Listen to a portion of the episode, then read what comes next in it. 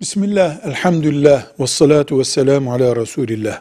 Allah'ın Peygamberimiz Muhammed sallallahu aleyhi ve selleme gönderdiği Kur'an olarak okuduğumuz mesela Elhamdülillahi Rabbil Alemin Errahmanirrahim diye okuduğumuz ayetlerin tamamına Allah'ın kitabına Kur'an denir.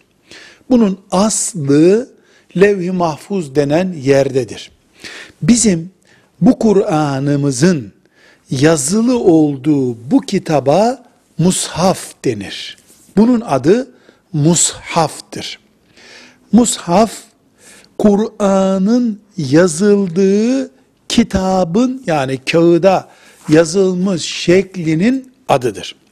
Dolayısıyla bana Kur'an'ı ver dediğim zaman aslında verecek bir şey yok. Kur'an Allahu Teala'nın sözlerinin adıdır.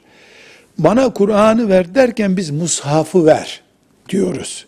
Çünkü mushaf şu kitaplaşmış, kağıda yazılmış şeklidir. O içinde okuduğumuz ayetlerin, surelerin bütününün adı Kur'an-ı Kerim'dir. Velhamdülillahi Rabbil Alemin.